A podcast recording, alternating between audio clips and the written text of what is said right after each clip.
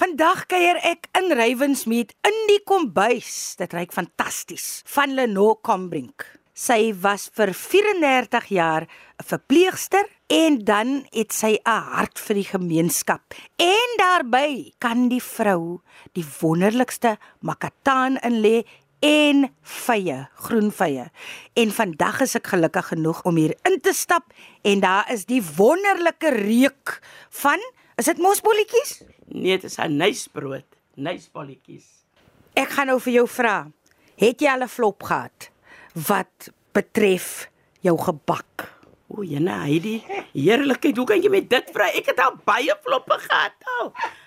Ek onthou dat op skool het ek 'n koek gebak en toe ek die koek moet sny, toe sit die botter nog binne in die koek vas. En dan het my ma altyd gesê vir alles jy brood of bolletjies bak, as hy nie lekker is as hy koud is nie, dan is hy nie. Hy moet so lekker proe, koud soos hy warm geproe het. Ek neem aan jy het groot geword hier in Rywensmeet en as jy hier groot geword het, dan was dit nog tiervlei in die ou dae, né? Ja, ek is gebore in Morneystraat. Ek is die tweede jongste van sewe kinders. My ma was 'n bakster. My ma se susters, hulle kinders en hulle susters, hulle was almal baksters. So ja, dit is waarvandaan dit kom. Dis klaar gebak en ek maar net net daai reuk kry. Nee, jy kan maar oopmaak. Ek bak in elk geval in 'n warm oondie as ek my brood insit as die oond yskoud. So as die brood warm word, so rys die brood. En dit is my ma se tegniek en ons gaan daar antwoord kom vandaan stories. Ooh. Mense, ek sê vir julle, ek wens julle kon beleef wat ek vandag beleef en dit is perfek. OK, wat is van jou geheime man? Ons praat mos nou van kom vandaan. Lekker kos en goed. Dis nie baie nie, maar ek hou daarvan omdat my ma ook vir ons geleer het om dit te beproef. Hoe ouer jy word, dan vind jy uit dat hy is glad nie nodig soos wat sy jou geleer het nie. Ek weet jy of jy kan onthou of jy al gehoor het van die bout wat afgesny word as hy in 'n sekere bak kom, dan gooi hulle dit weg. En later van tyd toe begin ons nou te ontdek, maar hoekom word hy gedeelte van die bout weggegooi? Of hoekom gebruik hulle dit? Toe ons nou navraag doen, so sal ons hoor hy antiet nooit 'n groot genoeg bak gehad nie. So ja, daar moes ons toe nou 'n verandering bring. Ons bak nou daai bout met al sy beentjies en skenkels. Moet nie bekommerd wees nie. En dan nou die geheim van bak. Jy sê jy sit 'n brood in in 'n koue oond. Nou as ek dit nou vir my ma sê, ek hoor haar al. Sy gaan sê, "Nee, dit gaan flop." Dit is regtig waar. My ma het dit vir my suster geleer, maar hy is wat ek doen. Die oond is koud, die brood gaan in, die oond word aangesit en soos die oond warm word, so rys die brood en so bak hy minder tyd. Regtig? Dieselfde met eiers. Eiers in koue water.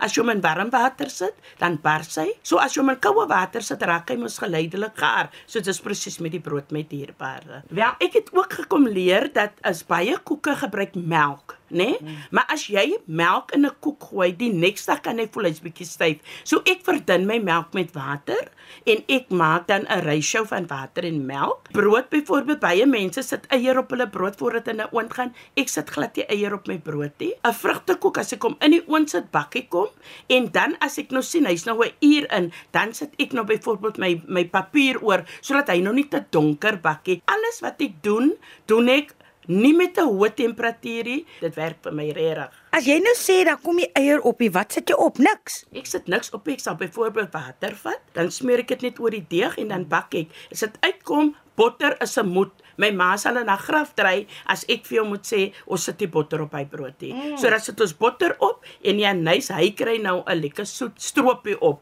O, genade en toe kom so hap. Toe smelt hy brood so weg in my mond. Ek kan regtig glo dat jy sê dat jy al floppe gemaak het nie. Maar vertel my van jou ma Lenore. Wel my ma was 'n baie kwaai auntie. My ma's Barbara Williams. My ma het nie drama gevat nie. My ma as het ook net een keer gepraat. Ons is mos groot gemaak om in die gemeenskap te werk. Ek is 'n gemeenskapsmens. Nou die Sondag lê die klokkie.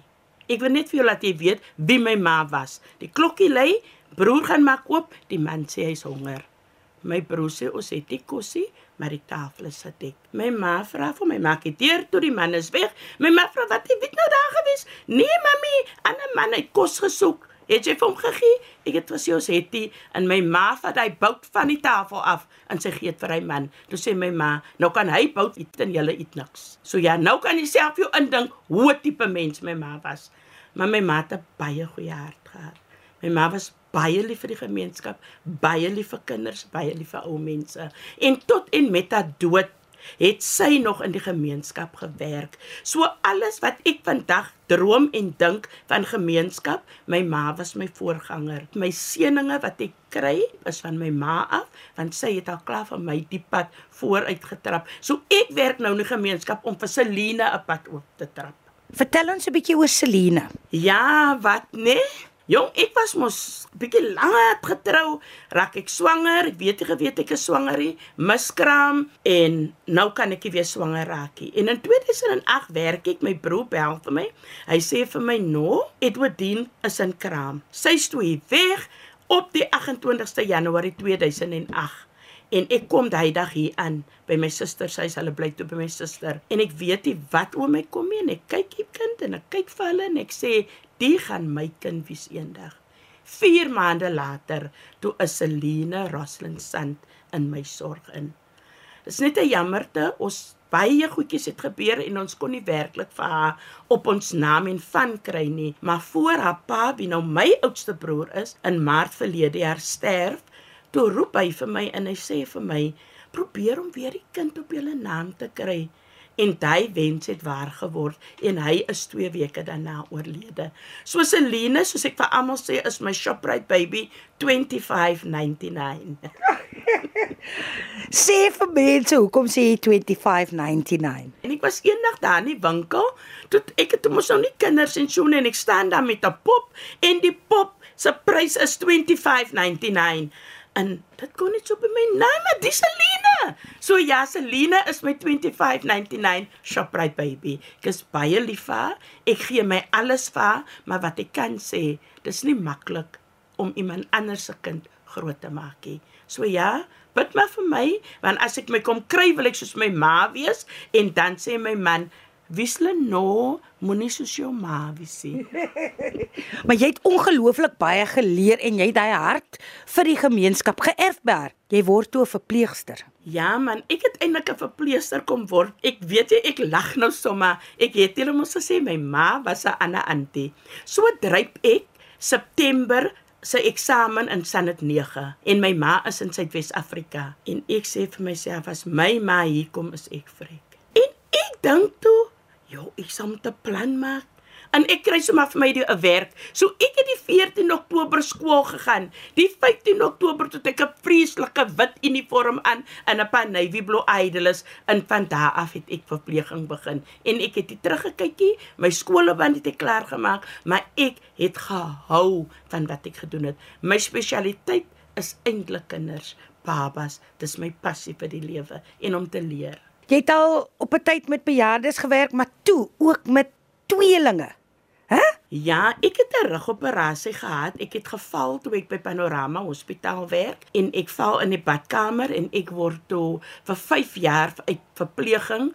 Um is ek toe nou uit want ek kan mos nou nie verpleeg nie. Ek met my rug en alles moet eers nou heeltemal gesond word. En iemand bel vir my en sê vir my, Hulle weet mos ek is baie lief vir kinders wanneer ek hou so na skool. Ek moet kyk daar's 'n advertensie vir Twins and Triplets Association. Ek lieg nie vandag vir jou nie. My eerste werk om na tweeling te kyk is ek sal dan naby toe ken geen mens in sal dan naby nie en daar gaan werk ek. Maar mense ek het lekker gewerk hoor. En hulle het na my gekyk kos geld. My een dametjie wat in Jean, ek sal altyd vir haar aanhou. Sy was baie goed vir my toe ek moet trou. Ek het na haar toons gekyk en sy het toe vir my gehelp met my troue. Die ander een was Jill. Sy het in Seepunt gebly. Ek het na haar tweeling gekyk. Sy het vir my gehelp met my troue. So ja, ek het lekker gewerk. Ek mis die kinders. Ek is nog in kontak met van hulle ouers, maar ek mis hulle. Ek mis die babietjies. Weet jy, as ons nou van my ma praat en ons praat nou van dit wat sy vir ons gesê het. Soos ek sal sê, sy het mos nou ons generasie vir ons voorgelê die legacy. Ons het byvoorbeeld 'n tuinier gehad. Hy het nie aldag lekker gerykie. 'n Party daai het ook nog 'n soopie ingaan, maar my ma het daai man by die tafel laat sit saam met ons as gesin. En vandag doen ons dit. En dit is iets wat ek by Celine inplan. Niemand is beter as enige iemand anders nie. Laas toe ek hier vinnig by jou ingeloer het, was dit om groenvye te kom koop in Makataan en ek kan vir julle sê dit was ongelooflik lekker. Wat sou mammie se manier wees van Makataan maak? Jou ma. Ja, my ma se manier sal wees, daai makataan moet mos nou gekoop word, groot, gevoel o oh nee. Nou gaan sy en sy per, ons moet perk, almal perk. Sy skil, almal perk. Daai skil moet so slap wees. Nou sny sy vir hom in sulke diamond vormpies. My ma teen blokkies gesny nie. Dan gaan dit nou in die water in en dit word afgespoel en dan word daar kalk bygegooi in die water oornag. Baie mense gooi sout in ons as geleer van soutie. So dan kook ons dit op en dan as dit klaar gekook is, word dit gedreineer. Klaar gedreineer is, kry sy suiker, sy groen gemmer, kry op en hy kook totdat die stroop dan dik word en die skuim moet elke keer afgehaal word. As jy dit reg wil doen, kan dit 'n lang episode wees, maar liewers reg as verkeerd. Hoe sou jy dit wou vorentoe vat? Jou gemeenskapswerk spesifiek. My hartsklop is dat ons elkeen 'n dak oor ons kop sal hê, dat ons warm sal slaap, dat ons iets te eet het en dat ons skoon sal wees. Almal is nie skoon nie. Almal het nie kos nie. Dit is my hartsbegeerte en dit is waarna my hart uitreik. Jy sien mos wat hier staan. Dit is geskenke vir die gemeenskap wat moet uitgedeel word vir die kinders, want ek wil net altyd 'n kind gelukkig en met 'n glimlag sien. Dit is wat ek vir almal self wil sê.